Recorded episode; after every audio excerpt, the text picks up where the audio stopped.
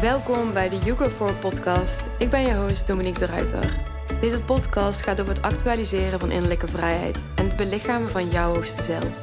En dat doe ik door de combinatie van wetenschap en spirituele lessen.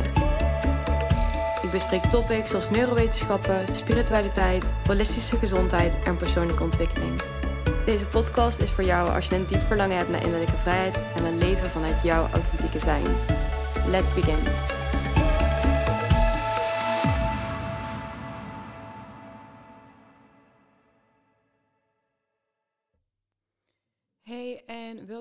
Nieuwe aflevering. Ik ben super blij dat je weer luistert. En vandaag ga ik het hebben over een heel vet onderwerp, want ik ga het namelijk hebben over plantenmedicijnen. En over plantenmedicijnen is er nogal een stigma. Er heersen heel veel vooroordelingen over het gebruik van plantenmedicijnen. En ik geloof ook dat er gewoon heel weinig bekend is en dat er gewoon heel veel onbegrip is en vraag, vragen zijn over plantenmedicijnen. Nou krijg ik op wekelijkse basis sowieso echt heel erg vaak vragen over mijn ervaringen met plantenmedicijnen. Wat voor inzichten het heeft gegeven, wat de integratie was, um, waar, welke plantenmedicijnen ze zouden moeten kunnen kiezen of hè, welke plantenmedicijnen er überhaupt zijn. En um, wat ze dus moeten voorbereiden wanneer ze willen meedoen aan zo'n ceremonie en hoe dat dan in zijn werk gaat. En heel veel vragen over plantenmedicijnen. En um, ik dacht van ja, dan kan ik er het beste maar gewoon meteen een podcast over opnemen. Want in een podcast kan ik jullie en uitleggen wat zegt de literatuur over plantenmedicijnen. En ik kan jullie uitleg geven over mijn ervaring met plantenmedicijnen. Waarom begin ik nou met een stukje literatuur? Omdat ik juist het eigenlijk zo belangrijk vind dat in een wereld waarin er zoveel ongenuanceerde boodschappen de wereld in worden geholpen over bepaalde onderwerpen, dat het voor mij ook heel erg belangrijk is dat ik je ook uh, laat zien dat er ook een soort van andere wereld is. Waarin we dus zien dat er wel heel veel literatuur is over plantmedicijnen en over hun geneeskrachtige werking. Want er zijn duizenden studies gedaan naar plantmedicijnen en hun werking. Dus wanneer dus mensen zeggen, of instituten zeggen, of groepen mensen zeggen van ja, niet onderbouwd, niet evident, er is niet genoeg uh, wetenschap, er is niet genoeg onderzoek naar gedaan, dan nodig ik deze mensen dus ook uit. Ga eens kijken. Um, ga eens iets verder kijken. Ik zoek eens op PubMed gewoon naar uh, psilocybine en geneeskrachtige werking of ayahuasca of eh, LSD. Maakt allemaal niet uit. Er is al zoveel research naar. Ik zal ook in de show notes van deze podcast een website uh, of een link heel even zetten uh, naar een website waarin je allerlei onderzoeken kan terugvinden. En ik zal je ook heel even de link sturen naar een van de onderzoeken die ik dus heb gebruikt voor deze podcast. Daar wordt eigenlijk een soort van hele review gegeven over de geschiedenis van uh, bepaalde psychedelica en de geneeskrachtige werking. Dus dat is op zich wel heel interessant, want als je daar dus wat verder in wil verdiepen, be my guest, you're very welcome. Um, klik dan gewoon even op die links en dan weet je vanzelf ook wel verder waar je dan naartoe moet gaan. Afhankelijk van over welk medicijn je meer wil weten. Anyway, let's begin. Want als we gaan kijken naar de geschiedenis van plantmedicijnen, dan gaat dat al heel ver terug de geschiedenis in. Plantmedicijnen zijn sowieso planten met een medicinale werking. Dat, dat is misschien niet zo moeilijk om te begrijpen.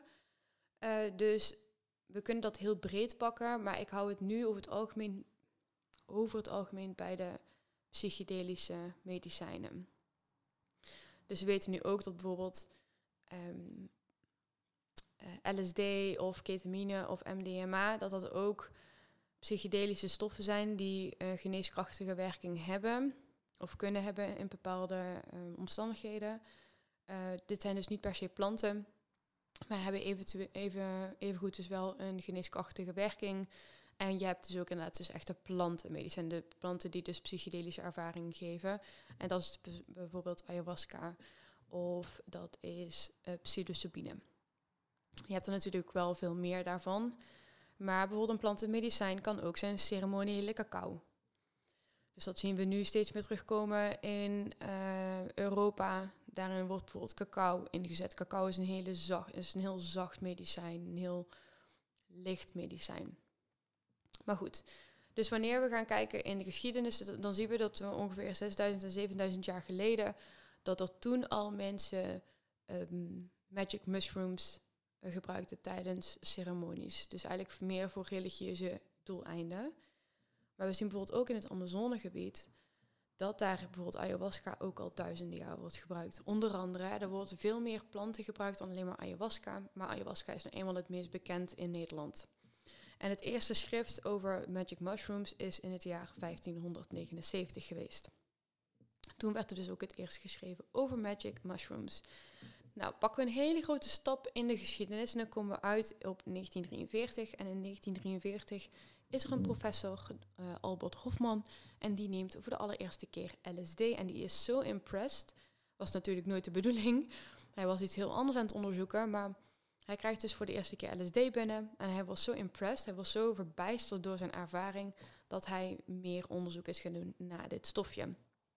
Dus tot 1970 zijn er een, sowieso een heel aantal onderzoeken gedaan naar psilocybine, maar ook naar andere soorten psychedelica, waaronder uh, dus ook ketamine. En die onderzoeken zijn vooral gedaan op depressie, verslavingen en schizofrenie. Maar in deze tijd komt ook een beetje de hippie movement. En die hippie movement, die wil dus ook deze, dit soort medicijnen of stoffen gaan gebruiken. En die gebruiken dat veel meer voor recreatief, uh, recreatieve doeleinden. En deze gebruikers noemen de trip die ze hebben, dus de ervaring die ze hebben, een spirituele ervaring. Een ontdekkingsreis in hun geest, in hun ziel. En er is dus ook een Harvard-professor, of dat was een Harvard-professor, Timothy Leary. En hij wordt ook wel de profeet genoemd van deze spirituele revolutie. En hij deelde gewoon gratis LSD uit aan studenten om ermee te experimenteren. En zijn uitspraak was: turn on, tune in en drop out. En die uitspraak gaat de hele wereld over. En daarmee wil hij mensen oproepen om meer in connectie te zijn met zichzelf. Meer in connectie te zijn met anderen, met de natuur. Om zichzelf een stukje beter te leren kennen. Nou, die hele spirituele revolutie, dat vond Amerika niet zo heel erg leuk. Dus de Amerikaanse Drug Enforcement Administration, die verbiedt in 1968 het gebruik van um, deze psychedelische stoffen, waaronder dus LSD. Ze geven dus ook, of ze ontkennen eigenlijk alle geneeskrachtige uh, werkingen van uh, dit stofje. Dus dat wordt allemaal een beetje de doofpot ingestoken. En daarbij wordt dus ook LSD um, afgebeeld als een gevaarlijke stof die paniekreacties op uh, of aanwakkert, depressiviteit en nare flashbacks. Dus dit tripmiddel wordt eerst in Amerika verboden en daarna wordt het al vrij snel in de hele wereld verboden. Maar rond uh, eh, 2000 wordt er dus wel steeds meer onderzoek gedaan naar de effecten van psychedelica. En een van de onderzoeken, dat was in 2004, uh, eh, die er werden gedaan, was dus naar psychedelica op pijn, angststoornissen en depressie bij patiënten met een uh, geavanceerde um, vorm van kanker. En dat onderzoek wees uit dat mensen minder angst hadden, minder pijn en minder depressieve gevoelens. En dat ze dus veel meer vrede hadden gesloten met hun stervingsproces. Nou, tot 2010 zijn daarin wat meer onderzoeken gedaan. Er zijn echt enorm veel onderzoeken gedaan. En 2012 wordt het allereerste onderzoek gedaan van psilocybine, de werkzame stof uit paddo's, in combinatie met een functionele MRI. Dus fMRI, dat is een um, meet eigenlijk de energietoevoer naar verschillende hersengebieden. En daaruit konden ze, konden ze dus opmaken dat er een veel betere samenhang was, dat er een veel betere communicatie was tussen verschillende hersengebieden. Waardoor mensen veel meer betekenis konden geven aan bepaalde emoties die ze hadden.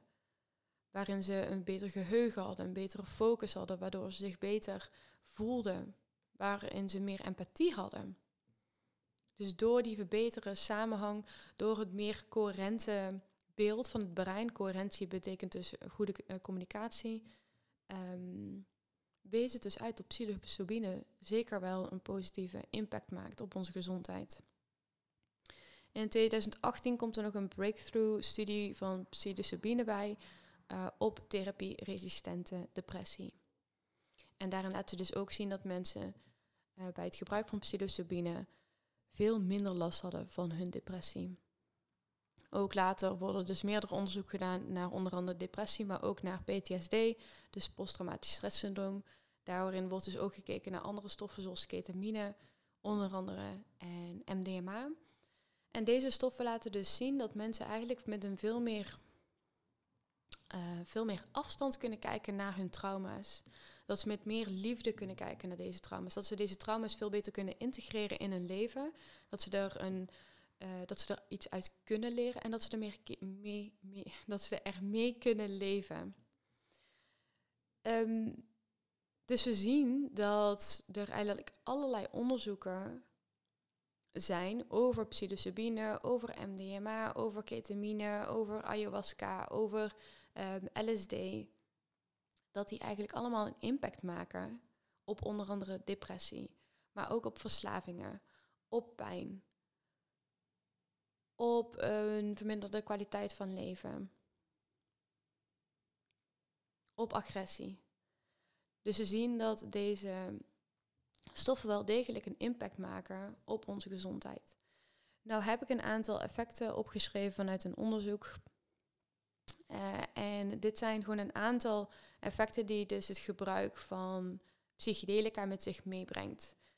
Het is een hele lijst, dus ik ga er gewoon eens met je doorheen.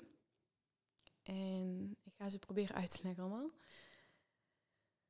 Ten eerste, positieve veranderingen in persoonlijkheid en toegenomen altruïsme. En met altruïsme bedoelen we eigenlijk de wil om iets voor iemand te doen of voor iemand anders iets te doen zonder er zelf baat bij te hebben, dat die vergroot. En wanneer we hier dus naar kijken, dan heeft het natuurlijk een enorme impact op de samenleving. Want wanneer mensen uh, positieve veranderingen hebben in hun persoonlijkheid, maar ook minder, uh, eigenlijk meer onbaatzuchtig zijn, dan zien we ook dat de samenleving veel meer in harmonie is. Verbeterde gevoelens van verbondenheid. Verbeterde verbondenheid met de natuur. Milieuvriendelijk gedrag. Verminderd gewelddadig en crimineel gedrag. Verminderde zelfmoordgedachten. Bescherming tegen suicidaliteit en psychisch leed. Getemperde politieke autoritaire opvattingen. Dus eigenlijk een vermindering van extreem politieke ideeën toename van het persoonlijkheidsdomein van openheid. Dus mensen voelen zich meer open. Ego-ontbinding, vermindering van egoïstische attitudes, narcisme en leidt tot meer pro-sociaal gedrag. Nou, in een samenleving waarin we steeds meer antisociaal worden, waarin we steeds meer awkward worden van sociale situaties, is dit natuurlijk een heel mooi effect. Aanhoudende verbetering van attitudes en gedrag.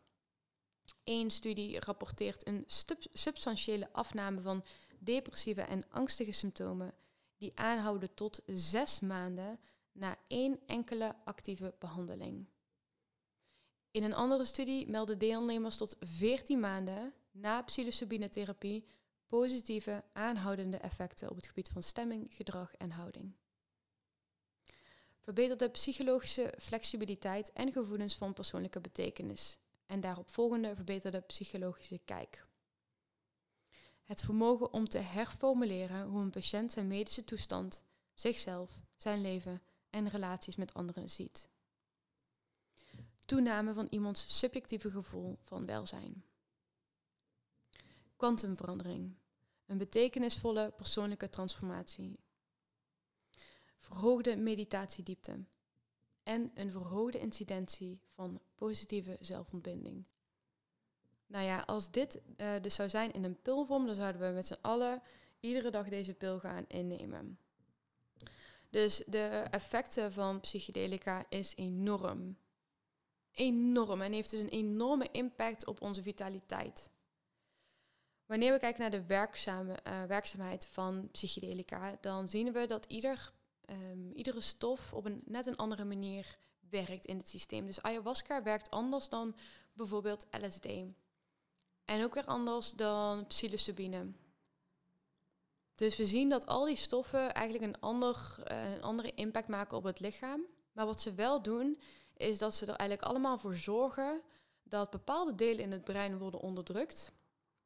En dat andere delen in het brein juist veel meer geactiveerd worden en veel beter met elkaar gaan samenwerken. En dat maakt dus dat we in een soort van hoger, bewust, uh, in een hoger bewustzijn komen en dat we in een soort van droomrealiteit komen, waarin we dus psychedelische ervaringen opdoen. Dat kan dus zijn dat je ehm, eh, dat, dat er uh, een visuele ervaring zich opdoet. Dus dat je gaat hallucineren, dat je dingen gaat zien.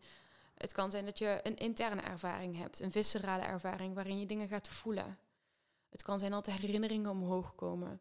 Het kan zijn dat je je in één keer veel meer verbonden voelt met alles om je heen. Het kan zijn dat je een goddelijke ervaring krijgt. Dat zeggen trouwens heel veel mensen, dat ze in connectie staan met God. Dat ze God ontmoeten. En dan niet God zoals wij die meestal kennen vanuit vroeger, hoe we dat kregen op school. Wij hebben nog wel godsdienst gehad, maar ik weet niet eigenlijk of dat nu nog steeds is. Niet zo'n soort God, maar eigenlijk meer het God als in een intelligente energie die in ons en rondom ons beweegt en overal is. Dat noemen we vaak God, of dat uh, rapporteren de mensen die deze ervaring, uh, die deze ervaringen hebben. Dus verschillende plantmedicijnen hebben dus een verschillende impact op jou, maar in principe doen ze ook allemaal wel plus-minus hetzelfde. Mijn ervaringen zijn uh, met verschillende plantenmedicijnen, of in ieder geval met verschillende psychedelische stoffen, um, waarin ik heb uh, LSD heb, heb uh, ervaren, um, ayahuasca, DMT. Dus uh, ayahuasca is eigenlijk DMT in combinatie met een MAO-remmer, dat zit dus in een drankje. Um, en DMT rook je. En DMT is dus eigenlijk vele malen heftiger, omdat je door het roken eigenlijk ja, een, een ayahuasca-ceremonie keer tien ervaart. Uh, waardoor je dus eigenlijk helemaal loslaat van je eigen lichaam. Uh, ik heb een truffelceremonie uh, ervaren met een shamaan, wat heel helend was. Um, ik heb uh, chocobliss-ceremonies meegemaakt. Dat is eigenlijk de combinatie dus van ceremoniële cacao, die dus je hart opent, in combinatie dus met een truffel. die dus, een truffel heeft veel meer een iets meer spelerende energie. Dus waarin ayahuasca best wel een hevige, uh, zware energie kan hebben, die wat meer forceert. Uh, die best wel pittig kan zijn. Ze wordt ook wel de strenge grootmoeder genoemd. Heeft de energie van een truffel, van een paddo, veel meer een kinderlijke energie. Dus daarin zie je ook dat de energieën van die verschillende plantenmedicijnen ook wel anders zijn. Dus wil je eigenlijk um, van start gaan met plantenmedicijnen, voel dan ook uh, bij jezelf waar je behoefte aan hebt. Voor mij is ayahuasca echt een, een opener. Ayahuasca um, is een openbreker, zo wil ik het eigenlijk zeggen. Dus heeft een hele, ja, wat meer strenge energie. En ayahuasca forceert je eigenlijk om, om te kijken naar bepaalde aspecten in jezelf en in je ziel. En daarin heb je En dat is natuurlijk voor iedereen anders. Want mensen die heel veel ayahuasca-ceremonies hebben bijgewoond, die zullen wel iets meer controle erover kunnen uitoefenen. Maar wanneer je voor de eerste keer, voor de tweede keer, of hè, misschien wel de eerste tien keer ayahuasca doet, dan heb je daar eigenlijk heel weinig controle over. En dan gebeurt er gewoon eigenlijk van alles. En je weet eigenlijk zelf niet zo heel erg goed wat je daarmee kan doen. Terwijl wanneer je bijvoorbeeld kijkt naar chocobliss, de combinatie dus van ceremoniële cacao, die hartopener, dat hele liefdevolle medicijn, in combinatie dus met de truffel of met paddo, afhankelijk van wel wat voor chocolade je gebruikt. Die is wat kinderlijker, die is wat liever. Uh, dat wil niet zeggen dat je daar, daarmee niet diep kan gaan, maar die energie is iets meer zachter. Je hebt het gevoel dat je iets meer controle hebt. En dan nog steeds kan het, nog, kan het zijn dat je wel trauma's gaat aankijken en dat het wel heel pittig is. Maar vanuit mijn ervaring is bijvoorbeeld de chocobliss of de truffel of de paddo iets liefdevoller. Dan heb ik inderdaad ook nog een ceremonie gedaan waarin het alleen maar truffels waren. En um, die zit er vaak wel tussenin. Maar daarin had ik ook wel veel meer het gevoel dat ik wat meer controle had. Als bijvoorbeeld het medicijn ayahuasca. Bij uh, DMT, uh, dus dat hetgene wat je dus rookt, Daarin, uh, dat heb ik ook maar één keer ervaren. Daarin kan ik eigenlijk ook niet zo heel erg veel over kwijt. Omdat die, die ervaring is zo heftig en zo niet menselijk. Dat, ik, dat je eigenlijk heel snel vergeet wat daar is gebeurd. het enige wat ik me daar nog echt van kan herinneren was dat ik heel erg blij dat ik weer terug was op aarde. dus toen ik um, terug aan het komen was, toen zat ik nog half in die andere wereld, wat heel moeilijk uit te leggen is. Um, en ik was terug aan het komen, maar mijn, dit klinkt heel raar natuurlijk, maar mijn arm zat nog in die andere realiteit. En ik dacht echt van, oh nee, give me my arm back. I want my arm back. Dus um, uh, ja, dus daar kan ik me niet zo heel erg veel van herinneren. Dus in de, het verschil tussen ayahuasca en gewoon pure DMT is dat ayahuasca iets meer werkbaar is. Dus DMT duurt ook maar heel kort, dat is ongeveer een kwartier tot twintig minuten. En ayahuasca duurt uh, een aantal uur.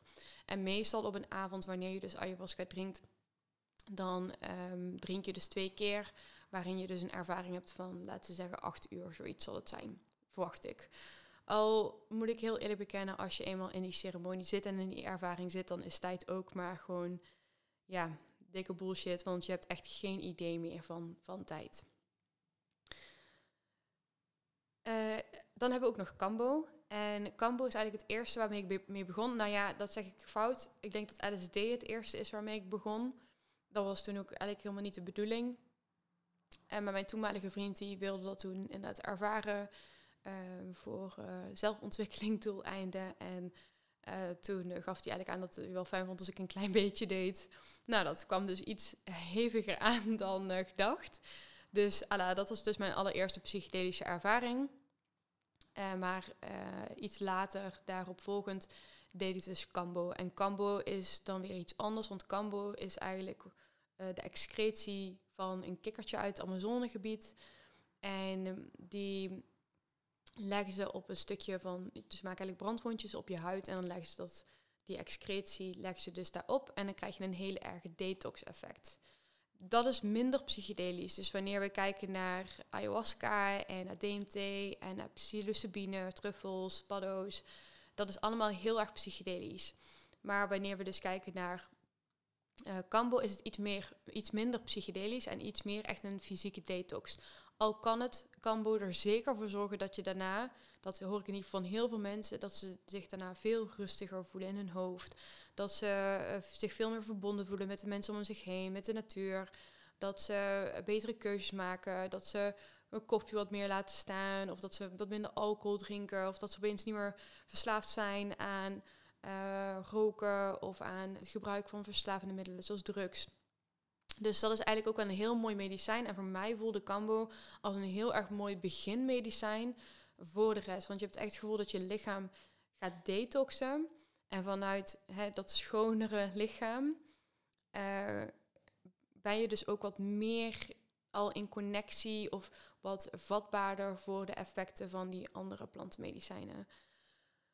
That being said, dus dat is een beetje allerlei plantenmedicijnen. Weet dat ik er maar een paar opnoem. Nogmaals, ik ben geen specialist. Ik heb gewoon ervaring met een aantal soorten plantenmedicijnen. Er is nog zoveel meer over te weten. En ik ga daar vast en zeker nog in de toekomst een podcast over opnemen met iemand die daar nog veel meer van weet.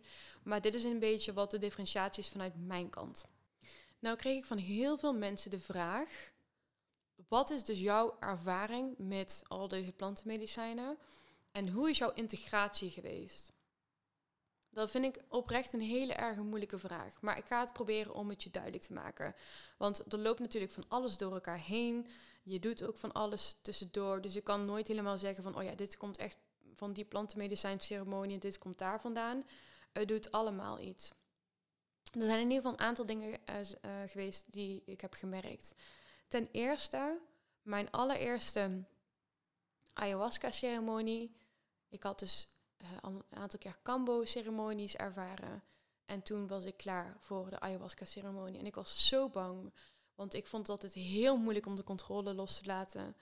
Vind, vond, ja, vind ik nog steeds wel een beetje lastig hoor. Maar eh, niet eens, eh, niet eens een klein beetje te vergelijken met vroeger. Vroeger was ik echt een control freak. Um, ik werd vroeger ook wel ijsprinses genoemd. dat vind ik eigenlijk best wel grappig. Dus um, de mensen die mij nog niet zo lang kennen, die zien mij natuurlijk als een beetje een sociale, sociaal en verbonden persoon. En hè, liefde voor iedereen en spiritualiteit en bewustzijn en bla bla. Maar vroeger was ik dus niet zo. Tuurlijk zat het er toen wel al in, maar ik was eigenlijk zo verhard geraakt door mijn leven. Door misschien wel de opvoeding, de trauma's, de trauma's die ik heb meegekregen van mijn ouders. Hè, wellicht vorige levens. Ehm, dus alles uh, wat er uh, op mijn pad is gekomen maakte dat ik een soort van grote muur om mij heen had gebouwd. En die mocht gewoon niemand in. Hè, uh, op een gegeven moment, ehm, mijn allereerste vriendje, die mocht daar dan soms wel eens inkijken.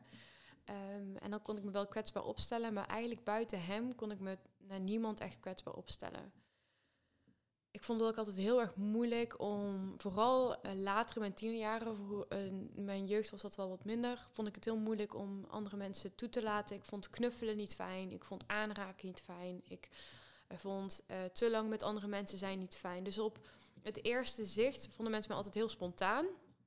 Maar um, als, mij, als mensen mij al dieper leerden kennen, dan was ik juist best wel heel erg afstandelijk. Ik zat heel erg in mijn eigen bubbel. Ik was heel erg concurrerend. Uh, ik was heel perfectionistisch. Ik was eigenlijk altijd bezig met hoe kan ik nog beter zijn? Hoe kan ik nog sneller zijn? Hoe kan ik nog jonger nog meer bereiken? Zodat ik dadelijk de jongste persoon ben die dit heeft bereikt. Dus dat is natuurlijk een hele um, lastige manier, een lastige visie om vanuit te leven. En dus mijn eerste um, ayahuasca-ceremonie heeft dat als het ware opengebroken, zoals ik straks al zei. Ayahuasca heeft mij echt laten zien dat, dat ik het echt niet ging redden met dat alter ego wat ik had ontwikkeld. Ik had ook heel veel last van acne. Mijn, mijn huid zag er altijd wat, uh, wat problematisch uit. Dat vond ik heel erg lastig, want hè, je, je gezicht is het eerste wat andere mensen zien. En de ayahuasca liet me eigenlijk zien dat ik een masker op aan het houden was. Heel duidelijk, op een best wel pittige manier. Thank you ayahuasca. um, maar um, ja, dus dat was echt heel heftig dat eerste weekend. Dat was dus ook een weekend als twee dagen achter elkaar. En ik kwam uit die ceremonie en nou ja, tijdens die ceremonie ben ik gewoon heel erg veel bang geweest. Het was zo heftig. Het was zo'n grote impact. Ik wist echt even niet meer wat ik moest. De dag daarna durfde ik ook bijna niet meer opnieuw ayahuasca te drinken. Ik, ik vond het echt heel, enorm eng. Maar goed, mijn ego wilde waarschijnlijk gewoon niet loslaten. Die dacht van, dit gaan we echt niet doen hoor. We gaan echt niet weer helemaal controle loslaten. Ben jij wel gek geworden? Maar na dat weekend is mijn leven op zijn kop gaan staan. Want ik ben veel meer zachter geworden. Mensen uit mijn studie vertelden mij op een gegeven moment of vroegen mij van Dominique, wat, wat heb je gedaan? Wie ben jij? Je bent zo veranderd. Je bent zoveel liever en zachter geworden. En de vrienden die ik daarvoor kende, die zeiden altijd van Dominique, je, je kan, bent echt een bitch van de, van de buitenkant, maar als je jou echt leren kennen, ben je echt een mama. Maar toen kon ik eindelijk hè, dat, die, dat mama-gevoel of dat liefdevolle gevoel kon ik eindelijk aan iedereen laten zien. In plaats van dat ik me continu aan het beschermen was en dat ik het alleen maar heel af en toe bij sommige mensen liet zien. Want eigenlijk ben ik altijd heel nurturend geweest. Ben ik altijd in geweest voor gelijkheid. Ik heb ook altijd het opgenomen voor de mensen die, gingen, die aan het pest of die gepest werden. Dus eigenlijk zat het er wel in, maar het zat, het zat in een alter ego, in een heel stoer ijskoningin alter ego. En dus na die, dat eerste weekend ayahuasca was dat echt helemaal afgebrokkeld. Ik was gewoon een zacht eitje. En dat was zo fijn om ergens ook gewoon om eindelijk te ervaren dat er iets meer is dan wij mensen. Ik kon daarna ook niet meer terug. Ik denk van mensen zijn zo vet arrogant dat ze denken dat ze, de, e-, dat ze de enige zijn op deze wereld die het hier voor zeggen hebben ik kwam in connectie met allerlei verschillende lagen van, van dimensies. En, en ja, moet ik zeggen, ja, dimensies, zo kan ik het best even benoemen. Ik, eh, de ayahuasca zei ook heel dat tegen mij, jullie gekke mensen met jullie gekke tijd. Tijd bestaat helemaal niet, tijd is een illusie. Eh, ayahuasca was me letterlijk aan het uitlachen op heel veel momenten. Terwijl ik daar als een of andere bang, bang vogeltje zat te zitten. Maar goed, dat was dus mijn allereerste ervaring met ayahuasca. Dat heeft echt veel afgebrokkeld. Dan is er nog iets belangrijks wat ik wil vermelden. En dit is best wel een kwetsbaar, best best een kwetsbaar topic. In iedere ceremonie met ieder plantenmedicijn werd ik continu gefeest met ehm, seksueel misbruik. Dus verkrachtingen, um, seksueel misbruik, ehm, maakt even niet uit. Iedere ceremonie bleef daar uh, rondom dwarrelen. Maar dus iedere ceremonie die ik onderging, ervaarde ik opnieuw bepaalde trauma's. En mocht het dus helen, kreeg ik daarbij dus ook heel veel trauma's voor de kiezen vanuit mijn bloedlijn. Vanuit vorige levens, wat ik mocht helen. Er zat zoveel trauma en nog steeds opgeslagen in mijn bekken. En iedere ceremonie kreeg ik weer opnieuw die heling naar mijn bekken. Iedere keer weer opnieuw kreeg ik die warmte naar mijn bekken. Dus eerst het ervaren van het trauma. Daarna weer die warmte, die energie die door dat bekken heen stroomde. En ik leerde ook van wow. Alles is, ja, ik ervaarde steeds weer alles is één. En mijn trauma en mijn heling is één. En ehm, mijn ademhaling en um, de levensenergie en de orgastische, ja, orgastische energie. En eh, het is allemaal één. En ik weet dat het nu heel misschien zweverig klinkt, maar als je het op dat moment ervaart, dan voel je het zo sterk dat je het daarna ook niet meer terug kan. Je wordt er steeds weer aan herinnerd. Wat ik dus ook heel erg ervaarde, um, was de pijn en de wond en het trauma dat ligt op het vrouwelijk lichaam.